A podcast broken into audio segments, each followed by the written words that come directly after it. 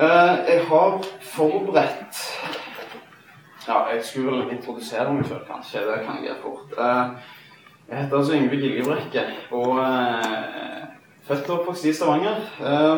og har gjort mye løye i mitt liv. Nå jobber jeg som lokomotivfører for NSB og trives veldig godt med det. og jeg er gift med Marita. Vi har vært gift i to og et halvt år. Og for eh, ca. ja, ei, eller to uker siden så var vi på ultralyd. Vi har en liten en på vei. 20 uker. Og det er helt vanvittig. Eh, jeg har hørt mange som sier at det å bli foreldre, det, det er en fattig velsignelse. Men jeg, altså den følelsen når du ser ditt eget barn for første gang på en ultralydskjerm helt ubeskrivelig. Altså. Jeg begynte jo, jeg begynte jo å felle noen tårer der inne, så jeg måtte jo tørre prate alt jeg kunne med jordmor for ikke å begynne å hylgrine. Altså. Det, var, det var helt det var sterkt. Å se hjertet, du ser hjernen, du ser liksom ryggen, og du ser dette barnet sitter og bevege armer inni. Og det er helt vanvittig for en æresfrykt du får overfor Gud som en skaper. altså. Uh, det som jeg har forberedt i dag, det er uh, håper jeg ikke framstår som, som usystematisk. Eh, det som jeg har hatt et ønske om å gjøre i denne bibeltimen, er å gå inn på eh, Jesu liv sin implikasjon på oss mennesker. Eh, og hvorfor ikke bare korsfestelsen og oppstandelsen, men hele hans virke er så essensielt for oss som kristne, for vår frelse. Uh, og jeg valgte med Gud eh, to tekster, en for i dag og en for i morgen. Eh, og oppdaga det at jeg hadde valgt ut to tekster som, som går på, på, ting som skjer om natta. Den første er Johannes kapittel 3, Johannes evangelium. Så hvis vi alle kan bla opp det Så skal vi komme oss igjennom vers 1 til 21.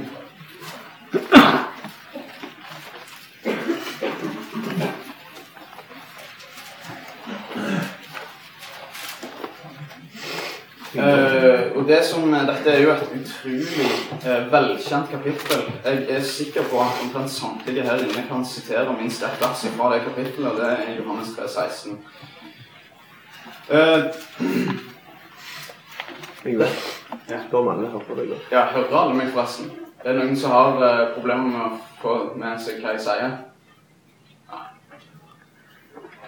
Uh, I Johannes kapittel 3 så møter vi en mann som heter Nikodemus, en av jødenes rådsherrer. Han var en høyt akta mann. Og han kommer til Jesus i, i, i eh, ly av mørket. Og eh, vi skal lese kapittel Altså vers 1 til 21, så heng med så godt dere kan. Det var en mann blant fariseerne som het Nikodemus, en av jødenes rådsherrer. Han kom til Jesus om natten og sa, 'Rabbi, vi vet at du er en lærer som har kommet fra Gud.' 'For ingen kan gjøre de tegn du gjør, uten at Gud er med ham.' Jesus svarte, 'Sannelig, sannelig, jeg sier deg, ingen kan se Guds rike hvis han ikke ble født på ny.' 'Hvordan kan en som er gammel, bli født?' sa Nikodemus. 'Han kan da ikke komme inn i sin mors liv igjen og bli født.' Jesus svarte, Sannelig, sannelig, jeg sier deg, den som ikke blir født av vann og ånd, kan ikke komme inn i Guds rike. Det som er født av kjøtt, er kjøtt, men det som er født av ånden, er ånd. Undre deg ikke over at jeg sa at dere må fødes på ny. Vinden blåser dit den vil, du hører den suser, men du vet ikke hvor den kommer fra, og hvor den farer hen. Slik er det med den som er født av ånden. Hvordan kan dette skje? spurte Nikodemus. Jesus svarte. Du er en lærer for Israel og vet ikke det. Sannelig, sannelig, jeg sier deg. Vi taler om det vi vet, og vitner om det vi har sett. Men dere tar ikke imot vårt vitnesbyrd. Hvis dere ikke tror når jeg taler til dere om de jordiske ting, hvordan kan dere da tro når jeg taler om de himmelske? Ingen annen er steget opp til himmelen enn han som er steget ned fra himmelen. Det er menneskesønnen, som er i himmelen. Og like som Moses løftet opp slangen i ørkenen, slik skal også menneskesønnen løftes opp. For at hver den som tror på ham, skal ha evig liv. For så høyt har Gud elsket verden, at han gav sin sønn den enbårne, for at hver den som tror på ham, ikke skal gå fortapt, men ha evig liv. Gud sendte ikke sin sønn til verden for å dømme verden, men for at verden skulle bli frelst ved ham. Den som tror på ham, blir ikke dømt. Den som ikke tror, er allerede dømt, fordi han ikke har trodd på, på Guds enbårne sønns navn. Og dette er dommen, at lyset er kommet til verden, og menneskene elsket mørket høyere enn lyset, fordi deres gjerninger var onde. For den som gjør det onde, hater lyset og vil ikke komme til lyset for at hans gjerninger ikke skal bli avslørt. Men den som føler sannheten, kommer til lyset for at det skal bli klart at hans gjerninger er gjort i Gud. Nikodemus eh, er en eh, mann av fariseerne. Han er en høyt akta mann, og det er derfor han kommer til Jesus om natta. Han ønsker ikke å bli eh, sett, fordi at eh, fariseerne hadde absolutt ingenting til overs for denne radikale nazireeren. Eller fra Nasaret, mener jeg. Eh, Jesus kom fra Nasaret, og der kunne det jo absolutt ikke komme noe godt. Og det som er litt interessant, er at eh, noe av det første som, som Nikodemus gjør Han sier 'Rabbi, vi vet at du er en lærer som har kommet fra Gud'. Det er påfallende fordi at han bruker flertallet 'vi', så han snakker på vegne av seg og sine. Og det var det som gikk igjen flere plasser, at fariserene fariseerne viser tydelige tegn på at de vet hvem Jesus egentlig er, og hvor han kommer fra, og at det han gjør, kan bare en mann som er fra Gud, gjøre. Men han var ikke den Messias som de venta på, nødvendigvis. Eh, det som eh, som jeg har tenkt å gjøre, er å prøve å male opp et bilde om Jesu liv, samtidig som vi går løs på en, en del av de viktigste versene. Jeg skulle gjerne tatt vers for vers av alt det vi leste om, men det hadde tatt for lang tid, så jeg har valgt meg ut de versene jeg syns er essensielle i samtalen med Nikodemus her. Um, og La oss bare ta litt om, om Jesu liv litt kort. Uh, han fødes av, av uh, Maria, uh, som er jomfru når hun får Jesus. Og, og Det er bare en sånn liten digresjon på det. Jeg har drevet med gateevangelisering en del ganger. vært med på det. Og jeg var fascinert over hver eneste gang noen stoppa og jeg fikk snakke med dem og dele evangeliet, så ble jeg ofte avbrutt på én ting. Så for deg som, som eh, jeg fikk lov til å, å, dele evangeliet med, så var det ikke noe vanskelig for deg å, å kunne se på en måte at jo, jo, Jesus kan ha klart litt av hvert løye, men at han var født av ei jomfru, nei, det var helt umulig. Og det fikk jeg høre av utrolig mange, påfallende mange, som syntes at en jomfrufødsel var eh, urealistisk, det var sært, og, og det, det, kunne bare ikke skje at et menneske ble født uten at det har vært et samleie involvert i det. Og det er fascinerende hvordan folk hang seg opp i det. Og, og når du tenker på at det, det er et univers der ute som består av et ufattelig antall stjerner, av, av systemer, av planeter, av eh, som, som, reflekterer Guds ære på en så ufattelig og mektig måte at han har makt i sitt ord til å få molekylene til å gjøre eh, som han vil, som han befaler. Når han sier 'la det bli lys', vel, så skjer det fordi at hans ord befaler naturens lov. Så er det klart en jomfrufødsel det er jo ingen, det er jo ingenting. Ikke for en Gud som er mektig. Men, eh, men jeg vet meg merke i at utrolig mange hang seg opp i akkurat det. Ehm, Jesus begynner sitt virke eh, ca. 30 år gammel. Og tre år bruker han på undervisningen og åpenbaringen om seg sjøl som Messias. Eh, hvor han eh, gjør tegn og under. Han eh, bruker tida til å, å, undervise i Skriften og vise at det er han som er den som har blitt lovt. Han er den som skulle komme og gi frelse. Og det er Derfor er det en grunn til at han ikke ble korsfesta når han var 15 eh, eller 20 eller 25 år. Alt i hans liv eh, hadde en mening, og livslengden hans hadde en mening. Han skulle eh, fullbyrde livet som dette. En syndfri mann som oppfyller loven, som holdt alle Guds lover fullkomment, og som gjorde alt perfekt til fingerspissene. Slik at hans liv da får lov til å regjere istedenfor vårt. Og det kommer vi tilbake til mer.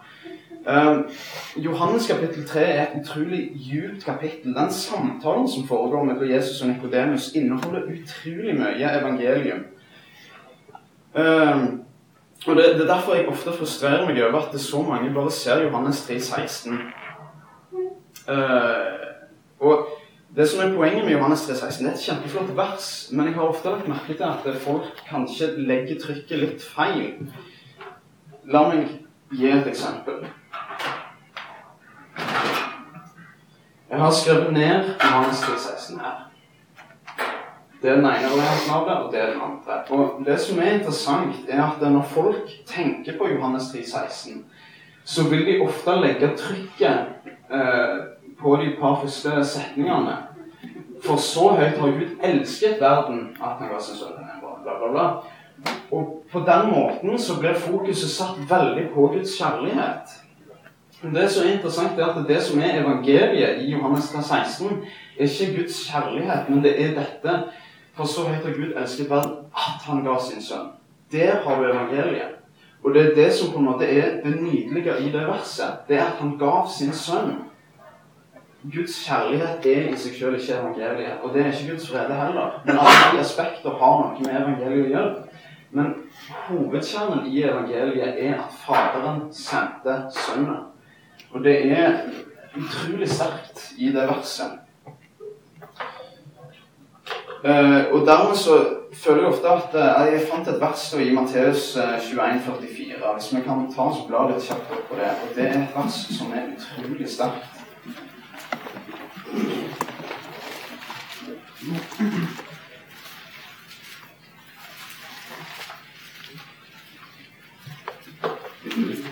I det som er, har skjedd i forløpet av dette verset, Matteus 21,44, det er at Eh, Jesus har eh, fortalt en lignelse til fariserene, og i den lignelsen så, så sier han eh, rett ut at Israel, eller fariserene Arven skal ikke gis til deg, den skal gis til, til verden.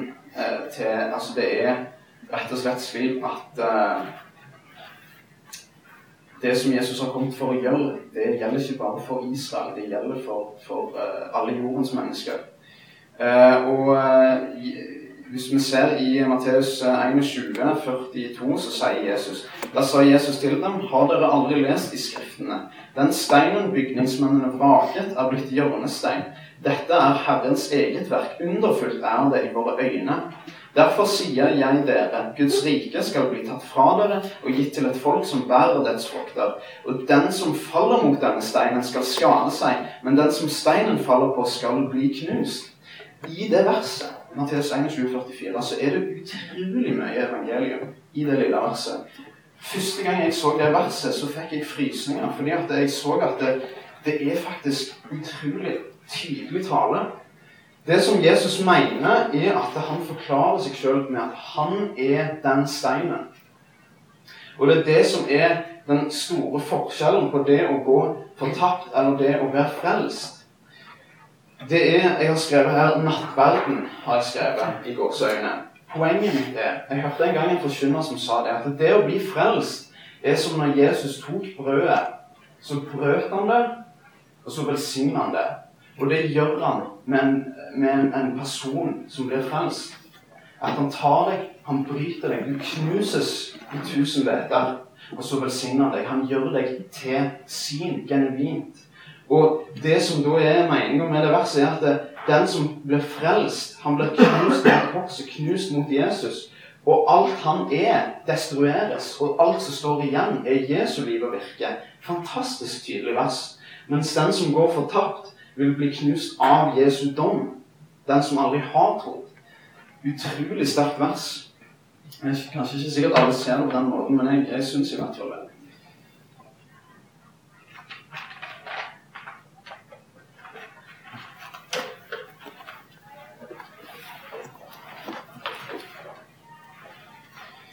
Uh, vi skal ta oss og gå litt i dybden nå på, i uh, Johannes kapittel 3.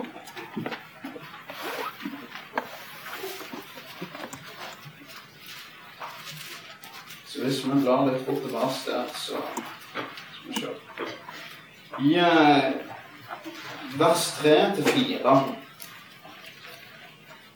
så, eh, så sier Jesus Jesus svarte, 'Sannelig, sannelig, jeg sier det, ingen kan se Guds rike hvis, ikke, hvis han ikke blir født på ny.'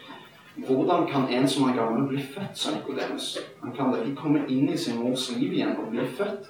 Et veldig interessant eh, spørsmål, fordi at Nikodemus tolker jo dette bokstavelig.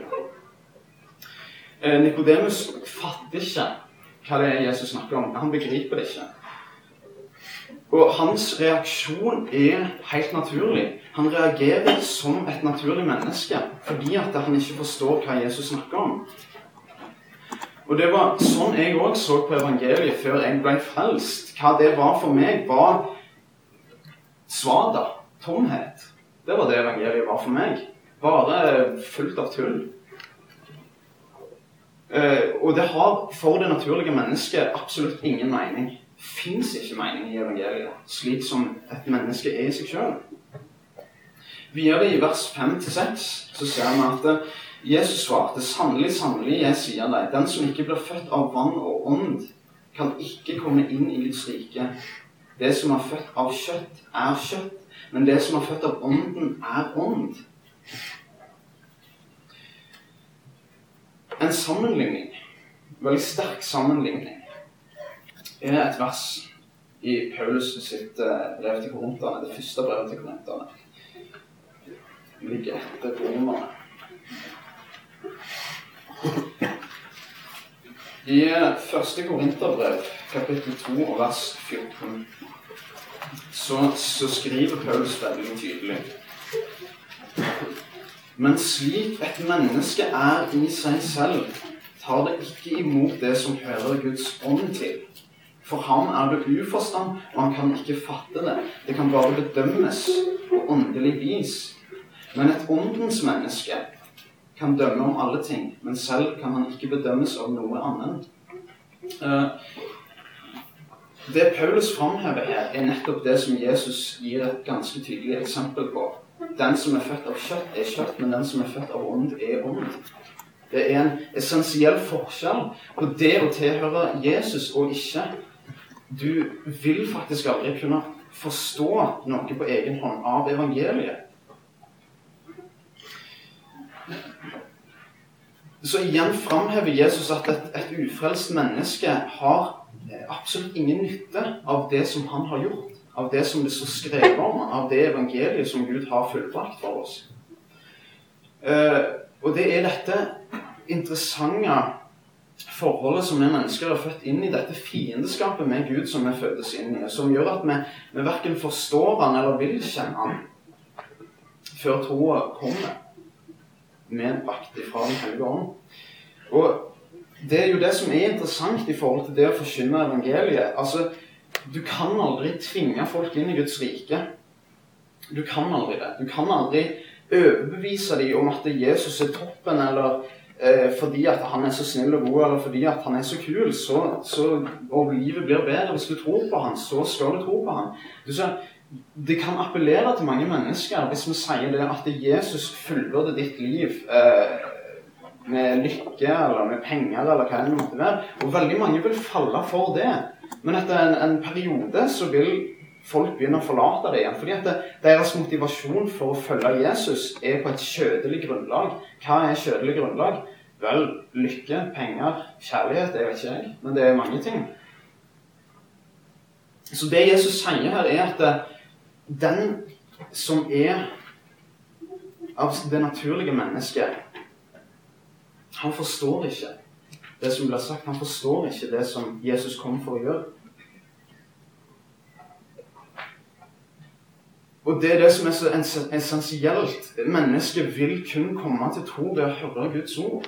Og det ordet forkynt. Det er det som er så utrolig kritisk. Og det er derfor det er så viktig, folkens, at dere setter dere inn i det som står skrevet. Det er for en mat det er for sjela, det som står skrevet i Guds ord. Det er det som gjør at hun vokser. Det er, altså Ditt hjerte er en bekk. Eh, en, jeg mener, er et tre. Og den bekken som vil strømme gjennom det hjertet, det vil enten være av det verdslige, eller det vil være av Guds ord. Og det vil alltid være alt mulig som trenger seg inn i det hjertet der. Men det er ingenting som får det til å blomstre utenom med Guds ord. Videre i eh, vers 7-8 så står det, så sier eh, Så fortsetter Jesus da. Så sier han, undrer deg ikke over at jeg sa at dere må fødes på ny. Vinden blåser dit den vil, og du hører den suser, men du vet ikke hvor den kommer fra, og hvor den farer hen. Slik er det med den som er født av Ånden. Eh, Jesus svarer jo Nikodemus ganske tydelig på det, fordi Nikodemus er helt opphengt i dette med å fødes på ny. Du kan ikke bli et, spedbarn igjen og krype inn i din, din, mors liv og komme ut igjen. Og Jesus er, egentlig det Jesus sier, er bare ikke, ikke tenk på det, ikke undre deg over at de sa det. fordi at uh, Jesus ser jo at han henger seg opp i helt feil, uh, på helt feil plass. Og det som Jesus sier videre når han sier at uh, vinden blåser dit den vil du hører den suser, men vet ikke hvor den kommer fra. Det han beskriver, er at det, for en som blir en kristen, så finnes det ingen fysiske tegn du kan se det på. Det er ingen av oss som får et stempel på pannen eller uh, på brystet eller i hjertet som sier at uh, du er frelst. Men du merker effekten av det. Og det er den effekten som er med vinden. Du kjenner at vinden blåser. Og likeså er det med en person som har blitt grepet av Kristus. Det vil være en utvilsom effekt, og den effekten er vil jeg kalle det en av de største kreftene i universet. Når en person går fra død til liv. Og, og her er eh, et vers som jeg skal ta med nå, er fra Esekiel. Esekiels bok i Gamle testamentet. Uh,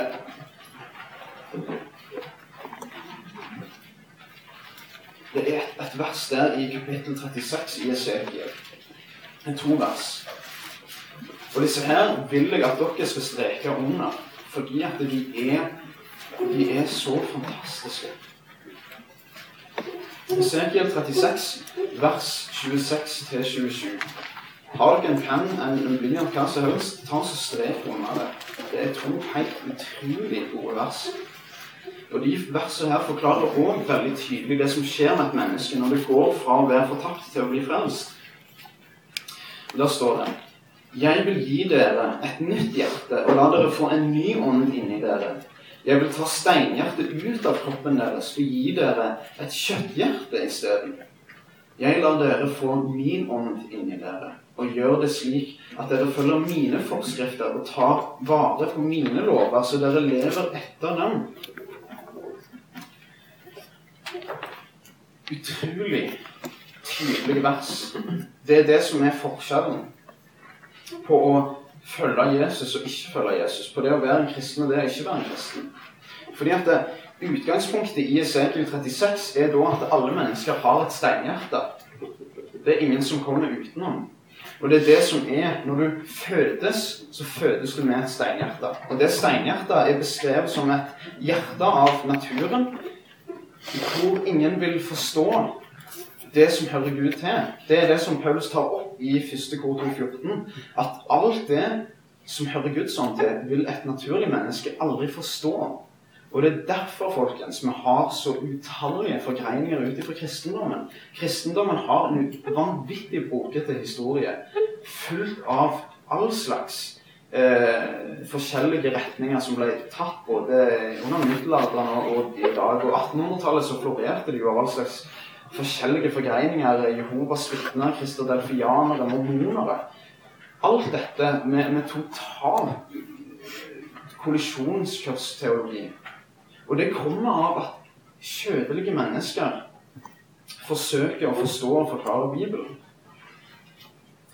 Eh, det som er interessant, da, er at Esekiel 36, eh, 26 viser tydelig at alle mennesker lever i synd. Og jeg pleide en gang å si det at eh, jeg som en kristen, jeg faller i synd. Eh, de andre, de som ikke er kristne, de, de lever i sin synd. Men jeg innså egentlig at det, det fins ingen forskjell på meg og de som ikke er kristne, i forhold til min og deres situasjon i, som en arvesynder. Som en som er født i synden.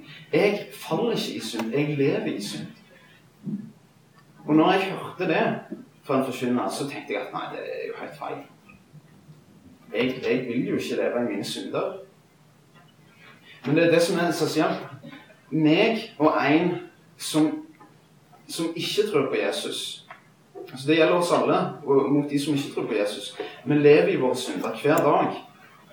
Men forskjellen er hva vi gjør med dem. Det er alltid det som er essensielt. Forskjellen er hvordan vi reagerer på dem. Forskjellen er hva vi kjenner i vårt hjerte. Vårt forhold til Jesus som en person som har fått et hjerte av kjøtt og blod, der de banker innvendig, det vil reagere. Det er det som er den essensielle forskjellen, og det er det Esekiel 36-26 prøver å vise.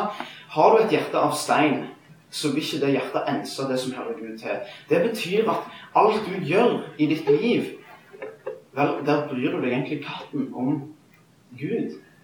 Du gjør som du vil, og turer fram som du vil.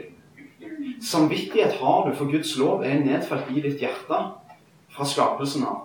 Så du vil kjenne på en samvittighet når du gjør ting som er galt. Det vil være avslitt, det vil variere fra person til person. Men for den som har fått et hjerte av kjøtt og blod, så er dette totalt som dom på. Den reaksjonen du får, da er det ikke lenger greit for deg. Og det du reagerer for når du gjør noe som du vet jeg galt i forhold til Gud, så vil du reagere som et underlig menneske.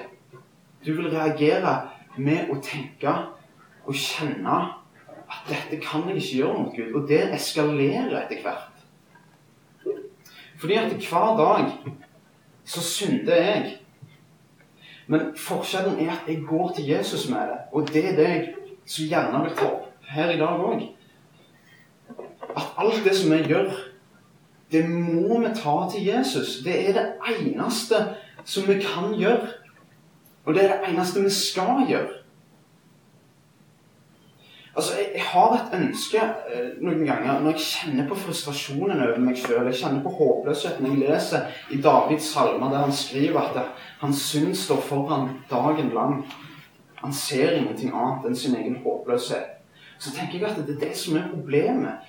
Ofte så fokuserer vi så mye på oss sjøl at Jesu liv og virke faller helt bort for oss. Det er det som jeg så gjerne vil oppfordre dere til. At det å komme til Jesus med alt det du har, det er ikke bare en snill oppfordring. Det er det kristenlivet består i.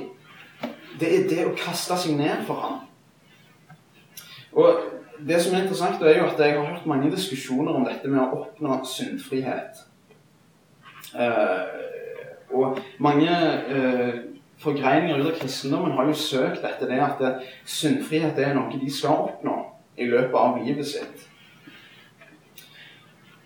Og jeg trodde jo en gang kanskje at er det virkelig sånn det er, tenkte jeg, at vi skal oppnå syndfrihet. Og jeg grøssa over den tanken, for jeg, jeg så på meg sjøl og visste at det er en umulighet.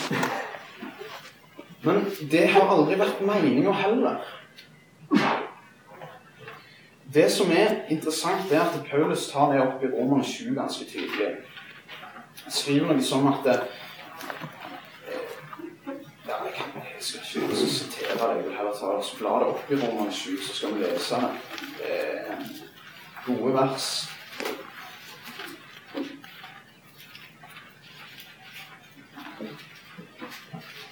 Eh, I Romerne 7, vers 24 eh, Det er jo noen utrolig hjerteskjærende vers.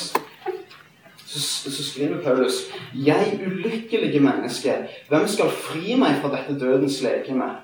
Gud være takk ved Jesus Kristus, vår Herre, så tjener jeg altså Guds lov med mitt sinn, men syndens lov slik jeg er av naturen. Jeg er litt eh, imot å bare ta et vers ut av en sammenheng på denne måten, her, fordi det er så mye mer til det. Men, men kort fortalt, Paulus sier at han er et ulykkelig menneske. Han har et krav, et opp, og det er syndens lenker som står på ham.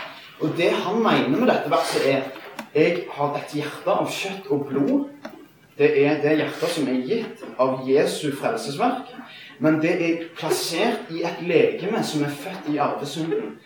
Dermed er syndfrihet en umulighet å oppnå for et menneske. Det er aldri meninga heller. Du kan aldri oppnå syndfrihet utenom det Gud gir deg, nemlig at når en ny himmel og en ny jord blir skapt, så skal du få et nytt legeme. Og det nye legemet som gis, er et legeme som ikke er av denne jord, som ikke er av denne menneskeslekta. Fordi at jeg er født i et legeme som er syndig, som ikke vet noe annet enn syndens lov. Det er derfor jeg aldri, så lenge jeg lever, kan stoppe mine synder. Men det er det som er poenget. Du lever ikke på din egen nåde. Du lever ikke på din egen prestasjon. Fordi når Jesus framhever hva du skal gjøre, så er det at du skal bli i Jesus. Han sier det så tydelig i Johannes evangelium. Det er ikke å bli i bønn, det er ikke å bli flinke til å lese Bibelen mest mulig, selv om vi burde blitt det òg. Men det er å bli i Jesus. Det er det han oppfordrer sine disipler til. Og det er en helt essensiell forskjell. Det å bli i Jesus det er å bli i Hans nåde, sånn at du vet at det, det, er aldri noe av ditt liv som skal stå i veien for at du og Jesus skal ha et fullkomment samvær, uansett hva du har gjort, uansett hva du kommer til å gjøre.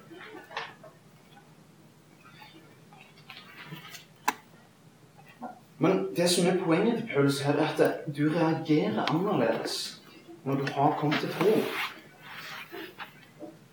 Du reagerer annerledes i forhold til Gud, i forhold til dine medmennesker, i forhold til skaperverket. Det som du en gang var, det er du ikke lenger. Du er en ny skapning. Og det hjertet av kjøtt og blod, det banker. Det banker for det som hører Jesus til. Det var på en måte de versene jeg ønska å fokusere mest på. Eh, og jeg vil ta dette videre i morgen. Da skal vi gå løs på, på eh, langfredag og Jesu natt i Getsemane før han ble tatt til fange. Eh, og, og, det som jeg ønsker at dere skal på en måte komme inn i en forståelse av at når du menneske får lov til å leve i Guds nåde, så er ikke det nåde som er betinga.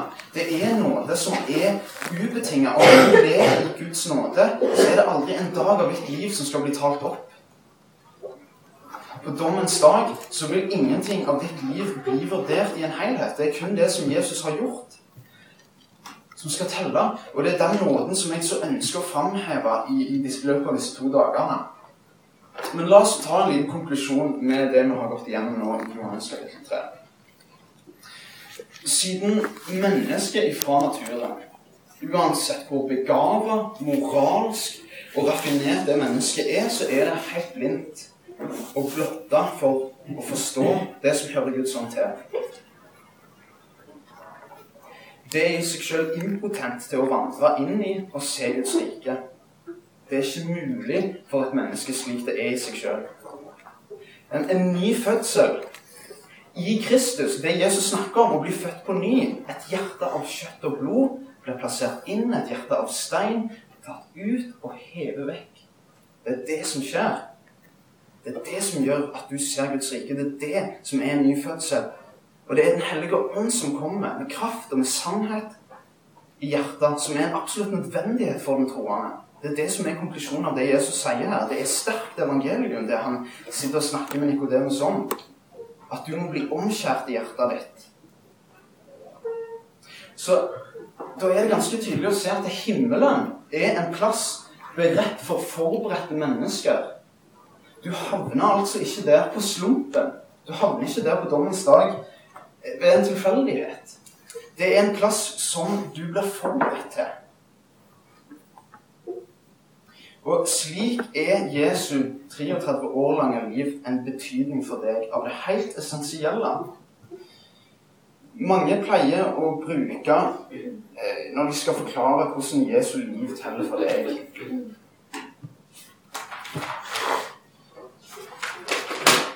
Så tar de et hvitt ark, og så tegner de noen svarte prikker på. Dette er deg, og så er det dine synder. da de svarte prikkene. Og Så tar de et nytt hvitt ark og setter foran det, og så er det Jesus som kommer og dekker over dine synder. Og Det forklarer egentlig bare halve sannheten. Faktisk er det slik at dette arket her, det skulle vært farga i helsvart. Helt svart skulle det vært. Og når Jesus kommer, så dekker han ikke over det.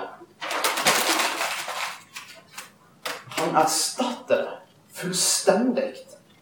Det er det å forstå den nåden som Gud har gitt oss. At det livet han levde fra den dagen han var født Han æra sine foreldre fullkomment. Han æra og elska Faderen fullkomment.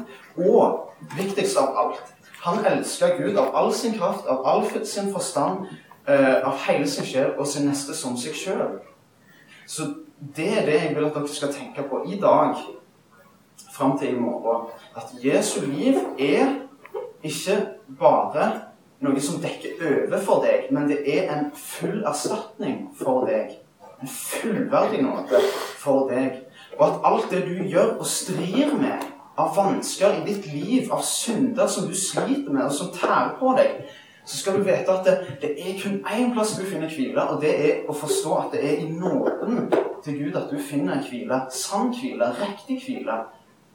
Og den eneste form for fred som virkelig overgår all forstand. Kjære far, jeg takker deg for at vi har fått lov til å komme fram for deg med et utrolig ubrukelig hjerte.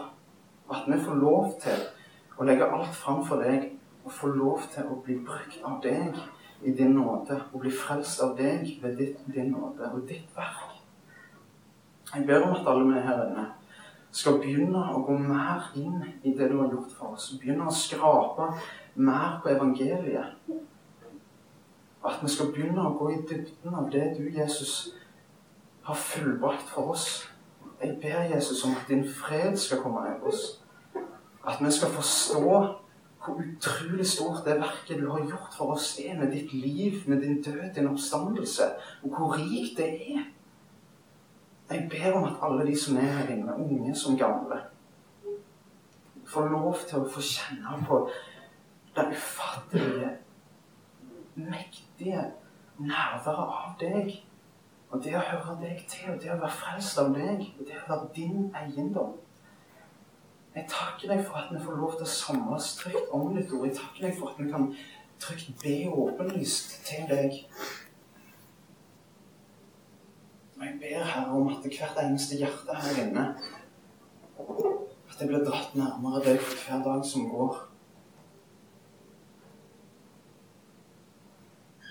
Jeg ber for Fjellhaug misjonshøgskole. Jeg ber for at du skal trygge deres tur hjem til søndag. Jeg ber for deres dager at du skal fylle de her med ditt nærvær nå, der de skal i dag og i morgen. Jeg ber for salen som er samla her denne helga. Jeg ber for hver eneste person, hvert eneste individ. Du ser, Jesus, alle som søker deg, alle som virkelig trenger deg, alle som har behov for deg. Jesus, måtte du komme dem nær.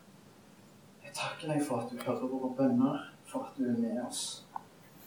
I Jesu navn.